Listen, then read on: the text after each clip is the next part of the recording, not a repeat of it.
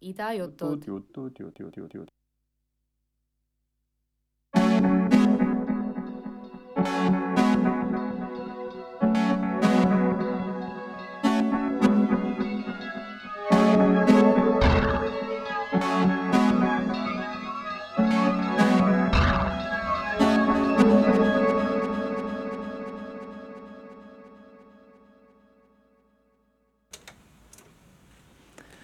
tere, siin on Triinu ja Elisa raamatupoest Punt ja on aeg uue raamatu jaoks. tere, tere minu poolt ka. kõigepealt siis alustame saadet sellega, et äh, räägiks, mis meil poest tulemas on. et siis äh, saaksite meile ikka külla tulla üritustest osa saada. siis meil homme, seitsmendal augustil kell kuus on meil äh, üks väga tore kõndimine kavas. ürituse nimi on Seal, kus ta kõnnib, saate Facebookist järele vaadata. meil eh, saab olema üks väike ühine jalutuskäik siin eh, Kalamaja ja Pelgulinna ümbruses, mille käigus siis jälgime oma ümbrust ja seda, kuidas see mind mõjutab ja siis teeme märkmeid, õpime märkmeid tegema ja pärast saame poes uuesti kõik maha istutud ja ehk siis ka mõne jutukese luua ja harjutada kirjutamist. ma igaks juhuks ütlen äh, lisaks, et äh, see üritus on piiratud kohtadega, ehk siis kes meid praegu kuulab ja tal huvi tekkis, siis täpselt üks koht on vaba, nii et kes ees, see kõnnib. Siis on äh, neljapäeval, üheksandal augustil siin Telliskivi uuel Poetänaval toimumas äh, pidu, kui seda võib nii nimetada. seal tulevad DJ-d, esinejad, aga meie poes on kell pool kaheksa kohal Jan Kaus ja Urmas Vadi, kes räägivad raamatutest, raamatupoodidest ja võib-olla elust üldse laiemalt ja loodetavasti loevad natukene enda tekste ka ette, nad on väga toredad ja kindlasti saab äh, nalja ka. absoluutselt. siis järgmine on äh, kakskümmend kaheksa august, ka kell kuus, siis on fotograaf Maria Kapajeva raamatu esitlus You can call him another man. see on, ma võin vist sellest rääkida võid rääkida natuke? ma olen temaga suhelnud siin, et äh, see raamat on välja tulnud äh, Leedu kunstigalerii alt, aga Eesti esi, Eesti esitlust tahaks ka teha, sest et Maria on Eesti kunstnik ja tal on äh, või ta leidis fotod, mis ta isa on kunagi pildistanud ja siis see You can call him another man on justkui nagu tema isa lugu, aga samas see on selle isa lugu, keda tema ei tunne ja ei saa kunagi tundma, sest see on tema nooruspõlve lugu. Et aga täpsemalt siis saame kuulda, kui Maria meile külla tuleb. ja see üritus toimub äh, inglise keeles. jah, ja siis septembrisse äh, etteruttavalt ka siis äh, on üks raamatuesitlus plaanitud täpsemalt viiendal septembril. ka kell kuus. ka kell kuus hea kellaaeg, tööpäevad läbi enamusel vist siis. aga siis on sovjetijärgse Eesti sihuke kergelt antropoloogiline ei, ikka täitsa Raamat, antropoloogiline. raamat, kus siis analüüsitakse, kuidas meie ühiskond on muutunud ja mis neid muutusi põhjustanud on. ja see on ka inglise keeles siis. jah, see on siis Francisco Martinez, Helsingi ülikooli õppejõud, antropoloog ja siis selle originaalpealkiri on Remains of the Soviet Past in Estonia. jah, see on väga tore raamat, mis s- meil on poes olemas füüsilisel kujul ja siis äh, USCL Pressi alt on ta tegelikult äh, tasuta alla laetav, et kui kellelgi juba tekib huvi, siis tasub USCL Pressi kodulehele minna. just. aga ennem kui me hakkame päris raamatutest rääkima, mis meil endal siia stuudiosse kaasa on võetud, laseme natukene muusikat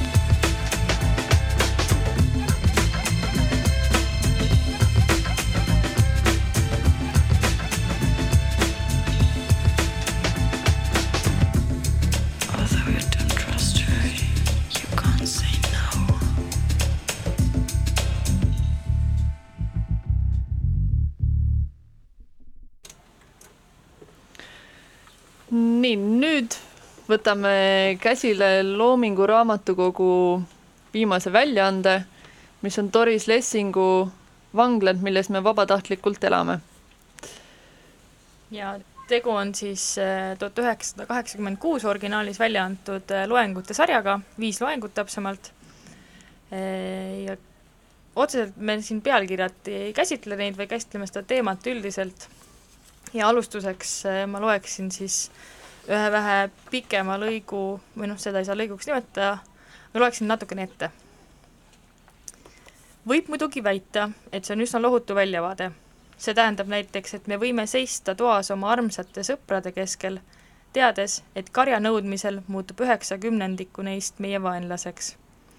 Nad viskavad meil aknad kividega puruks.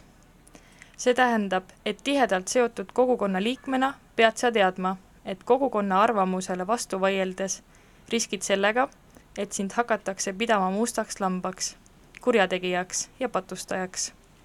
see on täiesti automaatne protsess säärastes olukordades käituvad peaaegu kõik inimesed automaatselt. ent alati on olemas vähemus, kes nii ei käitu. ning mulle tundub, et meie tulevik, meie kõigi tulevik sõltub sellest vähemusest. ja et me peaksime mõtlema, kuidas kasvatada oma lapsi nii, et see vähemus kasvaks, mitte aga sisendama neisse aukartust karja ees, nagu praegu enamasti juhtub. lohutu väljavaade? jah, seda küll aga nagu me kõik teame, on täiskasvanuks saamine raske ja piinarikas. ja praegu me räägimegi enda kui ühiskondlike loomade täiskasvanuks saamisest. täiskasvanud, kes klammerduvad igasuguste mõnusate pettekujutluste ja lohutavate arusaamade külge, ei saa kunagi õieti täiskasvanuks. Sama kehtib rühmade või rühma liikmete, meie kui karjaliikmete kohta. mul on praegu lihtne öelda karjaliige või ühiskondlik loom. enam ei ole selles midagi ebatavalist, kui ma ütlen, et meie, inimesed, oleme loomad ja meie käitumise juured on suurel määral minevikus, meie kui loomade käitumises see mõtteviis on tekkinud vaikse revolutsiooni tulemusel viimase kolmekümne või neljakümne aasta jooksul. Huvitav vasturääkivus seisneb selles, et kuigi see revolutsioon on jätkunud ja võitnud, ei ole paljude erialade teadlased sellele tervikuna oma heakskiitu andnud. selle mõtteviisi populariseerijad, populariseerijaid põlatakse, aga selles pole midagi uut. professionaalid, oma valdkonna spetsialistid ei salli kunagi seda, kui nende hulgast pärit põikpead jagavad oma teadmisi pööbliga. Vastuolulisi suundumusi on märgata ka suhtumises neisse aladesse, mida tuntakse kui pehmeid teadusi. psühholoogias, sotsioloogias, sotsiaalpsühholoogias, sotsiaalantropoloogias ja nii edasi. just neisse, kus tehakse nii palju huvitavaid avastusi meie enda kohta. moes on selliseid teadusharusid mustata, nimetada neid äpardunud teadusteks pidevalt võib leida põlastavaid või üle, või üle õle, või üleolevaid vihjeid äpardunud teadustele. kui kulusid kärbitakse, jäetakse kõigepealt kõrvale just need teadusharud. aga huvitav on see, et need kõik on uued uurimisalad, väga uued. mõne iga on lühem kui pool sajandit. kui vaadata neid tervikuna, näeme täiesti uut suhtumist meisse endasse, meie institutsioonidesse erapooletut, uudishimulikku, kannatlikku ja juurdlevat suhtumist, mida pean võitluses meie metsikusega, meie kui karjaloomade pika ajalooga väga väärtuslikuks. tehakse palju tööd, viiakse läbi arvukalt katseid, millest mõni muudab põhjalikult arusaamist meist endast ning terved raamatukogud on täis uuelaadset kirjandust, uut tüüpi uurimistöö tulemust. nagu ma ütlesin eelmises vestluses, usun ma, et pärast neid elavad pärast meid elavad inimesed imestavad, et ühest küljest oleme oma käitumise kohta kokku kuhjanud järjest rohkem informatsiooni. teisest küljest aga ei ole me isegi püüdnud seda rakendada oma elu parandamiseks. võtame näiteks selle, mida teame oma käitumisest grupis. on teada, et grupis kalduvad inimesed käituma üsna stereotüüpselt, etteaimatavalt. aga siis, kui kodanikud ühinevad, et asutada ütleme, ükssarvikute kaitseühing ei arva nad, et see hakkab arenema ühel paljudest võimalikest viisidest. Arvestagem seda ja jälgigem oma käitumist. et suudaksime valitseda ühingut, mitte aga ei laseks ühingul valitseda meid. või teine näide. vasakpoolsed võiksid pidada tarvilikuks öelda midagi säärast. juba mõnda aega on olnud võimalik näha, et sellised rühmitused nagu meie omad lõhenevad kergesti ning tekkinud uued rühmad muutuvad üksteise vaenlaseks ja nende liidrid sõimavad üksteist. kui teadvustame endale toda ilmselt loomupärast sundi, mille mõjul rühmitused ikka ja jälle lõhenevad, oleme ehk võimelised käituma vähem masinlikult. pange tähele, tundub, et sellest ei piisa, kui teatakse, kuidas asi võib kujuneda. räägitakse, et nood väga intelligentsed inimesed, kes asutasid Londonis vist tuhande üheksasaja viiendal aastal, bolševike partei, ütlesid üksteisele katsugem õppida Prantsuse revolutsiooni kogemustest. Vältigem lõhenemist doktriini mingite punktide pärast, ärgem hakakem üksteist tapma. juhtus aga just see, millest nad püüdsid hoiduda. Nad olid abitud jõudude käes, mida ise olid aidanud vallandada. Nad ei saanud aru, mis nendega toimub. mei-, meie käsutuses on üha rohkem ja rohkem informatsiooni, mis võib meil aidata aru saada, mis meiega mitmesugustes olukordades toimub ometi alahindavad teatud liiki inimesed neid uusi suuri avastusi kõikjal. miks? Minu meelest on antud juhul tegemist millegi rohkemaga kui vanema põlve teadlaste vastumeelsusega uue lähenemisviisi suhtes. ma arvan, et nad on alateadlikult ja tulemusteta otsinud kindlaid retsepte ja dogmasid, läbiproovitud meetodeid, mida annaks rakendada igas olukorras. inimestele meeldivad vaieldamatult tõsiasjad. veelgi enam, nad igatsevad kindlustunnet otsivad kindlustunnet ja suuri kõlavaid tõdesid. Neile meeldib osaleda liikumises, mis kuulutab selliseid tõdesid ja kindlaid veendumusi. ning veel toredam on lugu siis, kui leidub ka mässajaid ja ketsereid, sest see kindlustab neist sügavalt juurdunud veendumuste struktuuri. ma praegu siinkohal nüüd lõpetaksin selle ettelugemise osa ja kui ma Triinuga enne arutasin, siis ma loeksin ühe pisikese lõigu nüüd hoopis teisest loengust veel ette, enne kui me teksti üle natukene arutaksime. oled nõus? Teeme nii. nii, see on nüüd äh, oluliselt lühem ma tahan öelda, et informatsiooni, mida meile, meie kui indiviidide, gruppide, rahva hulga või märatseva massi kohta jagatakse, kasutavad teadlikult ja sihikindlalt ära eksperdid, keda praegu peaaegu kõik maailma valitsused palkavad rahvast töötlema. üha sagedamini võime täheldada, kuidas valitsused kasutavad ära ajuloputuse uurimise tulemusi. aga me näeme seda muidugi ainult siis, kui tahame näha ja oleme otsustanud manipuleerimise ohvriks langemist vältida. siin, nüüd on lõigu lõpp taas kord. ühesõnaga, mis, miks ma valisin need lõigud, on äh, seetõttu, et see kuidagi suures pildis kirjeldab kõigi nende vii-, viie loengu meelsust.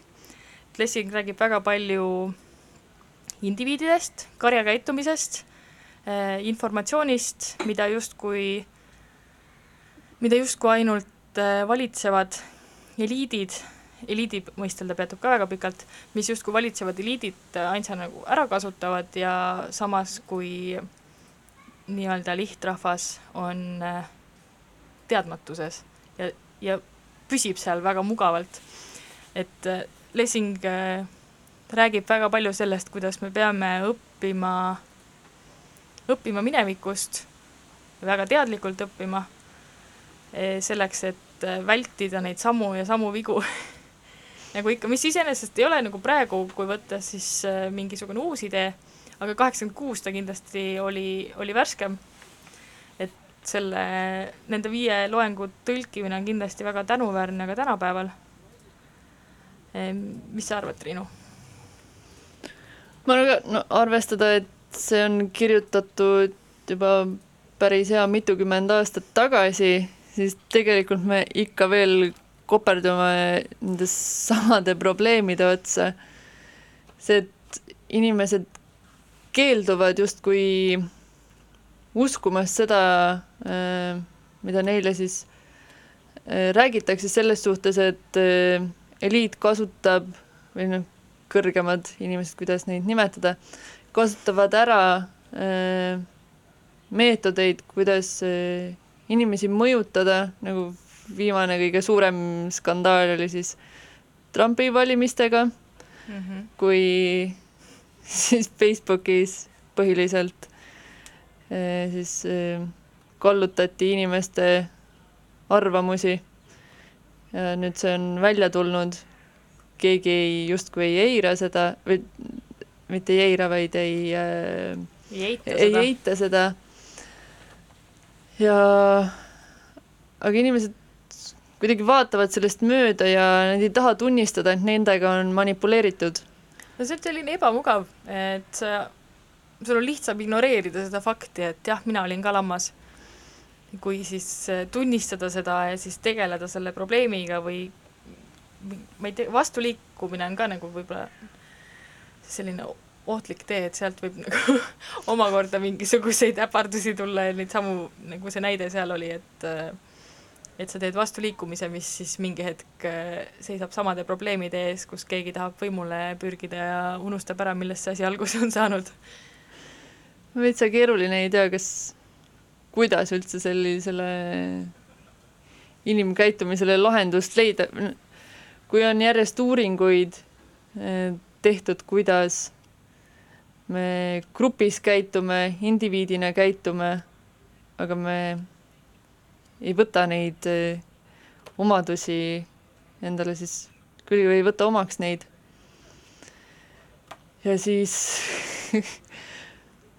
ei tea. või see omaks võtma, võib-olla lihtsalt teadlikult äh, sellega tegelema ja rääkima. klappidega on alati lihtsam ringi käia ja oma ja... ilusas mullis elada, kui tegeleda nende probleemidega ja ka avastustega, sest et see lõhub meie maailmapilti tegelikult. kui sa oled harjunud ühtmoodi mõtlema ja siis saad teada millestki uuest, põrutavast, siis ei, ei taha see sinu pilti mahtuda. see on kuidagi napakas viis elamiseks ma julgen öelda, et kui sa elad äh, mõttega, et kunagi midagi ei muutu ja muutus on halb, no eks see nii on, kui nagu kui mingi muutus tuleb, siis alguses kõik ütlevad, et see on jube halb ja see on, see on imelik, et meie kindlasti ei hakka nii käituma ja siis läheb mõni aasta mööda ja kõik käituvad täpselt samamoodi, nagu see muutus siis nagu ette nägi. et see on, see on mingisugune, kuidas seda nimetatakse, kaitsemehhanism. et sa, sa tahad eh, endale võimalikult vähe ebamugavusi tekitada. jah on vist see, on see õige sõna, ebamugavus ja kaitse ma arvan küll. inimesed on äh, jube mugavad loomad. absoluutselt. me, me võib-olla oleme natukene seda juba rääkinud, nüüd siin see küsimus, millest, mida ma kirja panin, et sult küsida pärast nende näidete ettelugemist, et äh, kas rumal inimene on see, kes jääb ignorantseks ja elab oma mugavusmullis või siis see, kes üritab maailmast aru saada ja ärritub selle käigus pidevalt selle absurdsuse peale.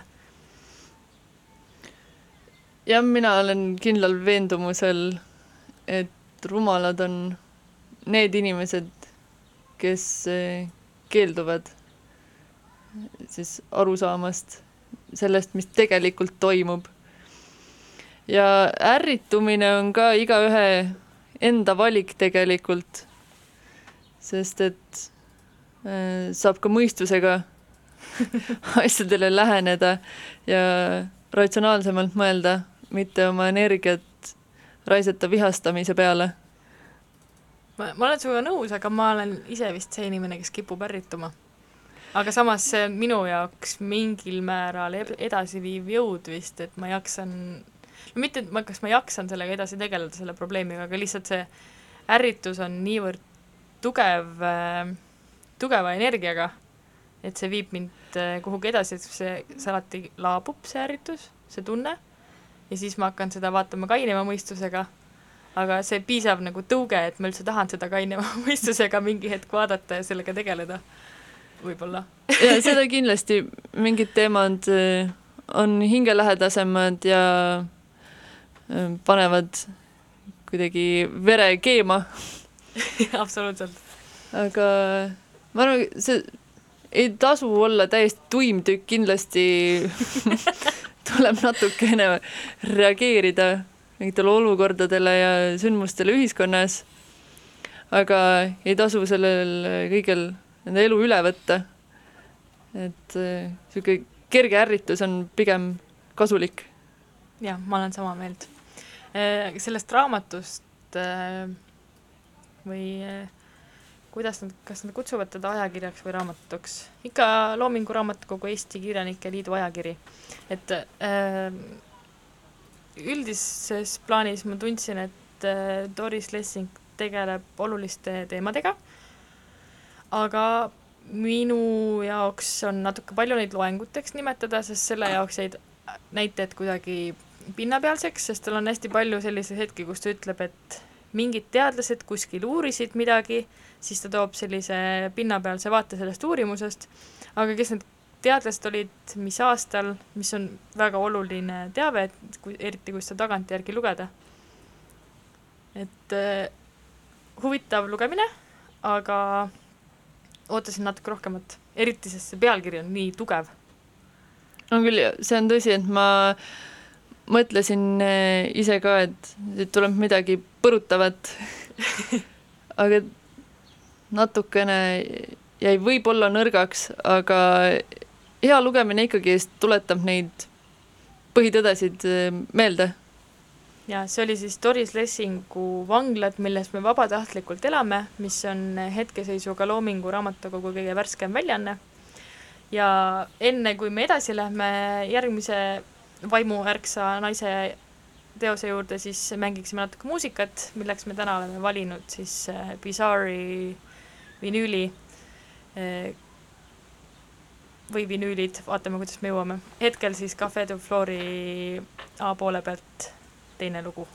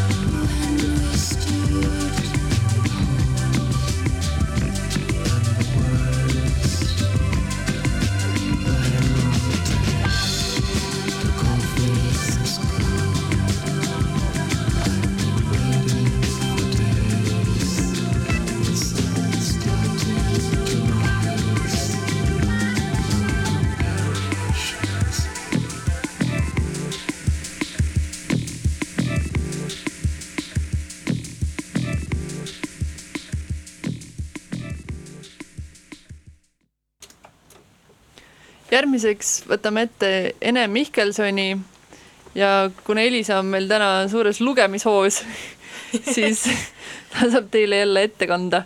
ma enne natuke luuletusi. räägiksin lihtsalt Ene Mihkelsonist ka, sest et Ene Mihkelson suri nüüd eelmise aasta mm. septembris, mäletan seda päeva selgesti, ma olin äh, raamatupoes Puent, äh, meie eelmises asukohas, ja tundsin ennast täiesti lootusetult. natukene selline enesekeskne tunne oli ka, et ma olin kurb selle uudise üle, et Ene Mihkelson on surnud, ja ka lisaks olin ma veel kurb sellepärast, et ma olin just, just mõelnud, et ma väga tahaksin temaga kohtuda ja nüüd mul ei ole kunagi seda võimalust, sest tema kirjutised on midagi sellist, mis mõjuvad kuskil täiesti teisel tasandil. mul on selline tunne, et ta suri siis seitsmekümne kahe aastasena äh, pika ja raske haiguse tagajärjel, aga õnneks on ta meile maha jätnud siis äh, palju huvitavat loomingut ma täna peatuksin täpsemalt tema luulel. ja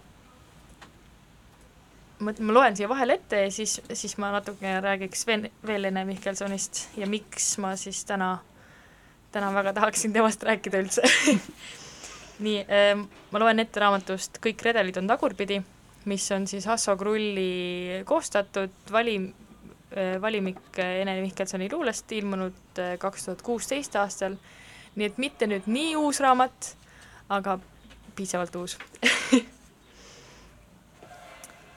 õhk seisab toas kui ruudukujuline sein, tagakülg läbitav, lõpmatult lahti. lõhu endakujuline süvend ükskõik millisesse ruumipunkti, endine koht valgub täis.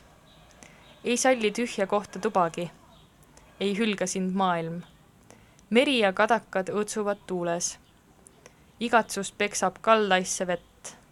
suure vee äärde jõuavad kõik kord tagasi. Lõpeb nelinurkne meelepett. ja järgmine kõlaks siis nii. eitan lapsepõlve ja elan. eitan suguvõsa ja teisenen. eitan ennast ja sulandun. ring saab täis. alustan uuesti jaotustest äh, Ene Mihkelson sobis suurepäraselt siia Doris Lessingu järgi seetõttu, et tegu oli väga vaimuärksa naisega.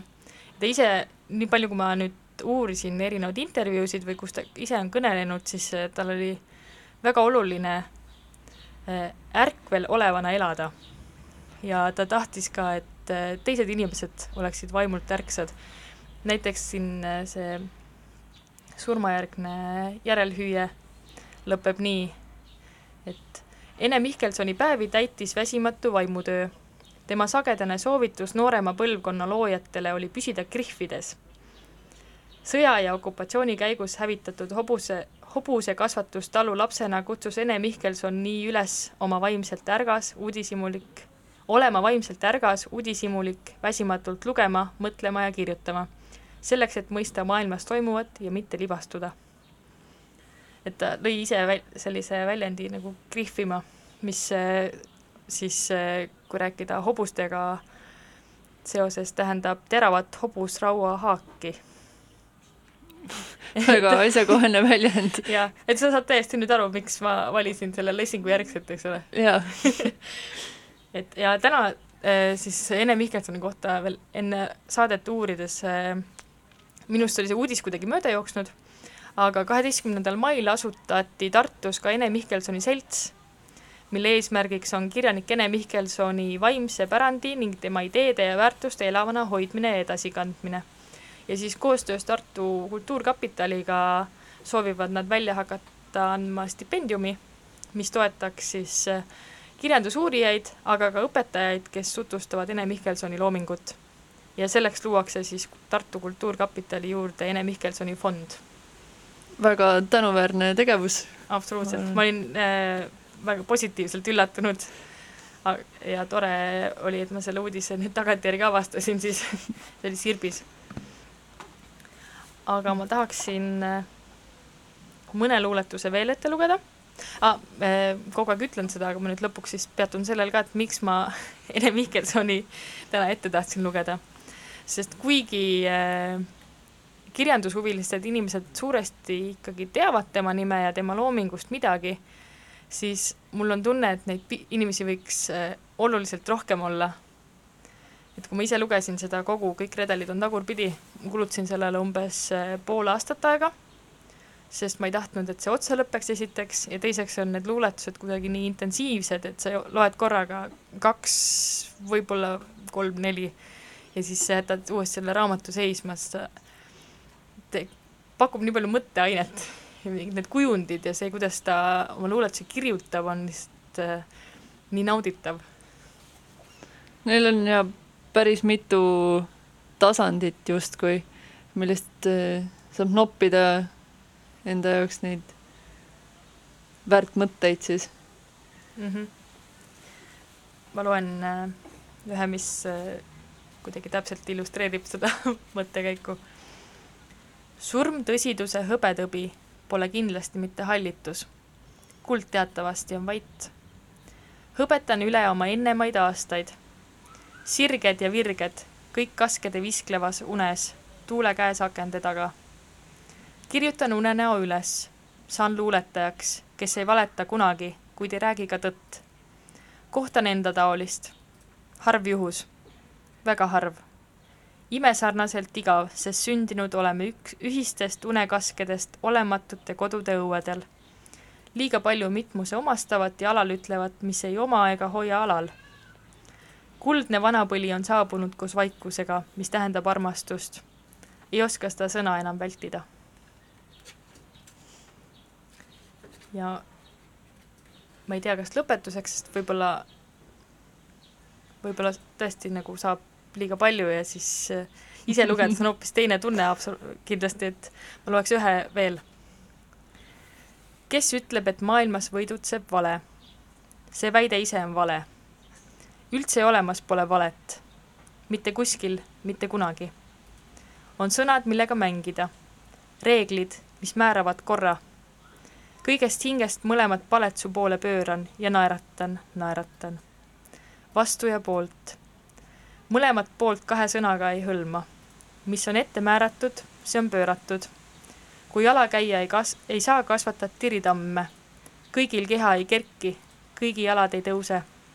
kõik ei armasta alaspidisust ja häda neile.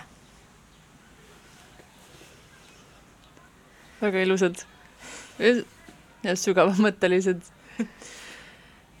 et äh, ühe muusikapala pausina veel enne siis ütleksin ka niisuguse loosungi, mida Doris Lessing kindlasti ei pane, paneks pahaks mulle praegu, et elagem siis äh, ärkvel olevana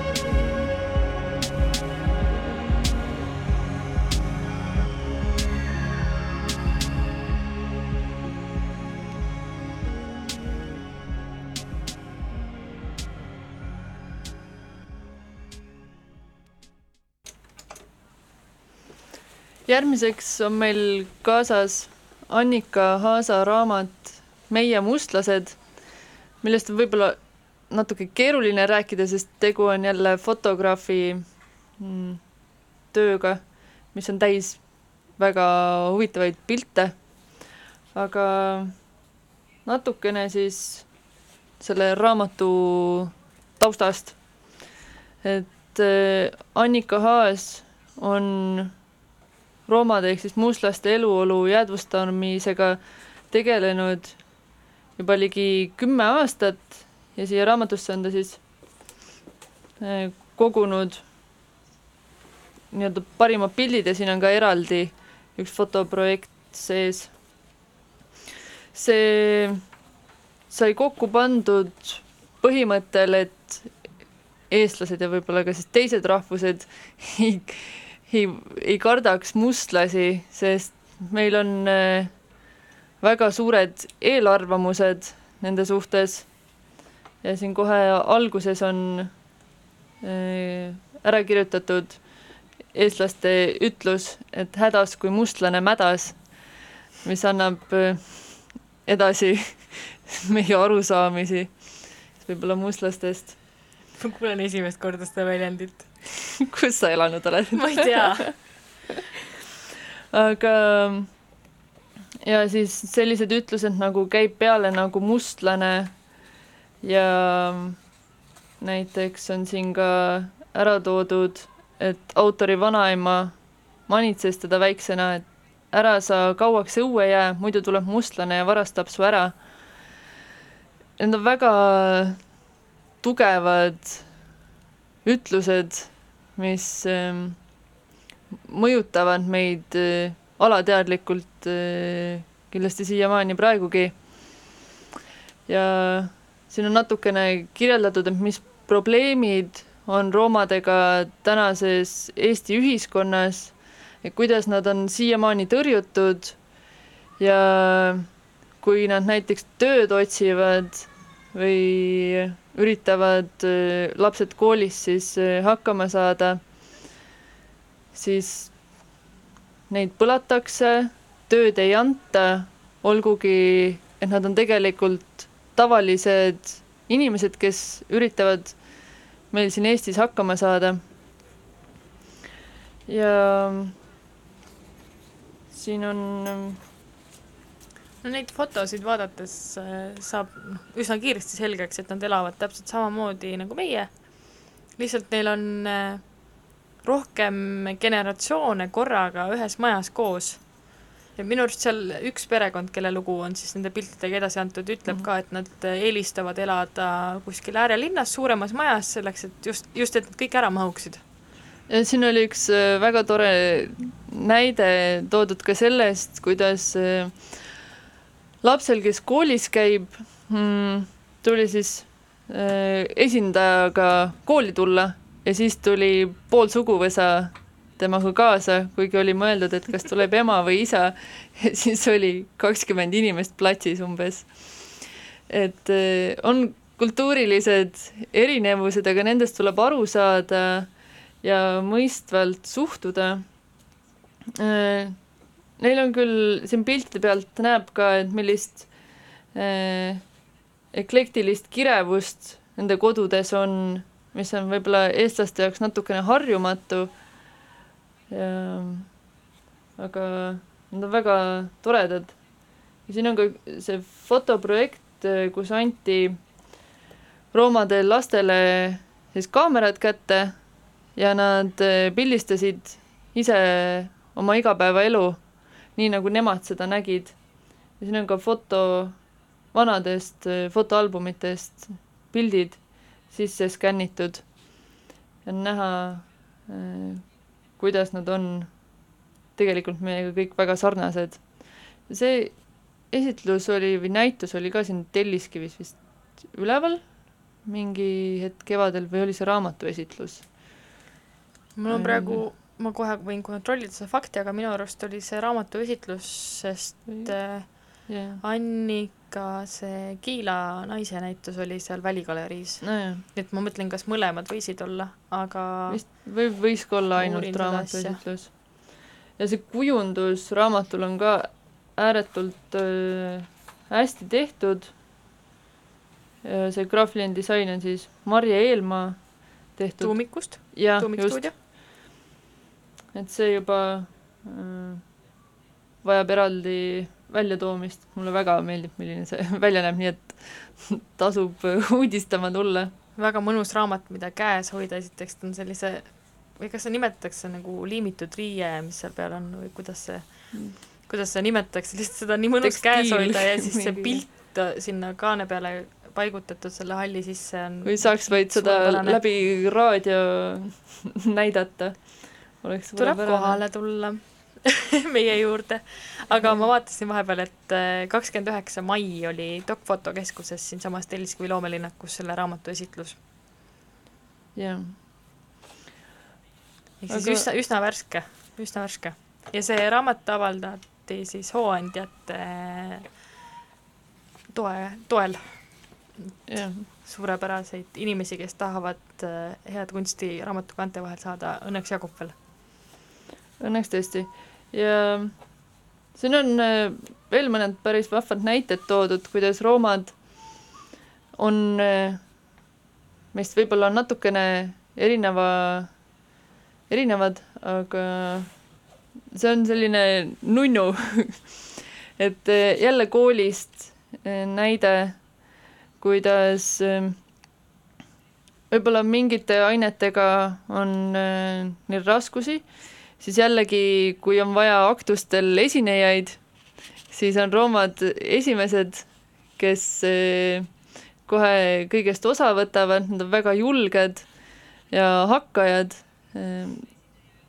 ja neid eh, on eh, siis aktustel alati kõigil eh, üritustel eh, vahva vaadata, sest nad on nii energiat täis ja kuidagi vastupidiselt meile tagasihoidlikele eestlastele ja üks, mis on veel välja toodud, et nad omandavad võõrkeeli suurepäraselt, kuna nad on olnud äh, rändrahvad, siis neil on kuidagi aegadega juba see külge hakanud, et keeled saavad väga ruttu selgeks. see on ju ainult positiivne praeguses maailmakülas. ja väga äge, aga seda raamatut tõesti äh, peab tulema silmadega vaatama, et seal on, need tekstid äh, annavad väga hea tausta, aga just, et see, kuna tegu on fotoraamatuga ikkagi, siis siis täielikult me seda edasi anda ei saa siin kahjuks. ja aga paneme siia otsa veel natukene muusikat. Või ma, mul tahad natuke üks, kommenteerida? mul tuli üks mõte, mis on natuke eraldiseisev sellest äh, kõigist nendest raamatutest, millest me praegu rääkisime, just see raamatu tunnetus. ma eile hakkasin lugema Veronika Kivisilla Kantus firmus luulekogu ja mul üle pika aja oli selline, see tekst oli väga hea, noh, on väga hea, aga selle raamatu kujundus oli täiesti omaette maagia, sest tal on, alustades kaantest, siis paberi valikust, tindi värvi valikust ja lõpetades siis vahelehtedega, mis on veel nagu kolmanda tekstuuriga, täiesti nagu mul oli selline mm, katsutav, katsutava raamatu kogemus eile, mida mul ei ole kunagi varem vist olnud. see, see oli lihtsalt suurepärane. Ja muidugi raamatu kujundusel võiks täitsa eraldi peatuda, sest meie oleme siin oma poekest pidades pannud tähele, et sellele tihti ei panda nii palju tähelepanu, ei rõhuta selle see on paremaks läinud õnneks. on paremaks läinud, aga millegipärast eh, tundub paljudele, et raamatu välimus ei ole oluline, kuigi tegelikult see mängib üsna suurt rolli sellest, et kui sa loed, et mis tunne sul juba tekib kõikide nende paberitega, kaantega. oh, mul tekkis järgmine mälestus nüüd raamatu kaane kujunduse tundest, mis oli ka alles hiljuti kui ma tellisin internetist raamatu ja ma täpselt ei teadnud, kuidas see mul käes hakkab mängima ja kaanekujunduse peal on äh, käsi siis seestpoolt nahk ja kui seda raamatut äh, katsuda, siis ta tekstuur on ka nahkne. et see, see oli natukene selline rõve ja veider kogemus, nagu oleks nahksed kaaned, aga samas, kui seda raamatut lugeda, siis, siis see sametine tunne on hästi mõnus et see ja. USCL Pressi see äh, Martinese raamat on sama tundega, lihtsalt ja. tal on seal Lenin kaanepildi peal ja nii, et äh, ärgitame kõiki raamatuid kujundama. Ja siis raamatupoodides raamatuid katsuma ja tutvuma nendega. Nii, aga nüüd vist siis viimane lugu täna ja siis äh, kohtume juba järgmisel kuul. teeme nii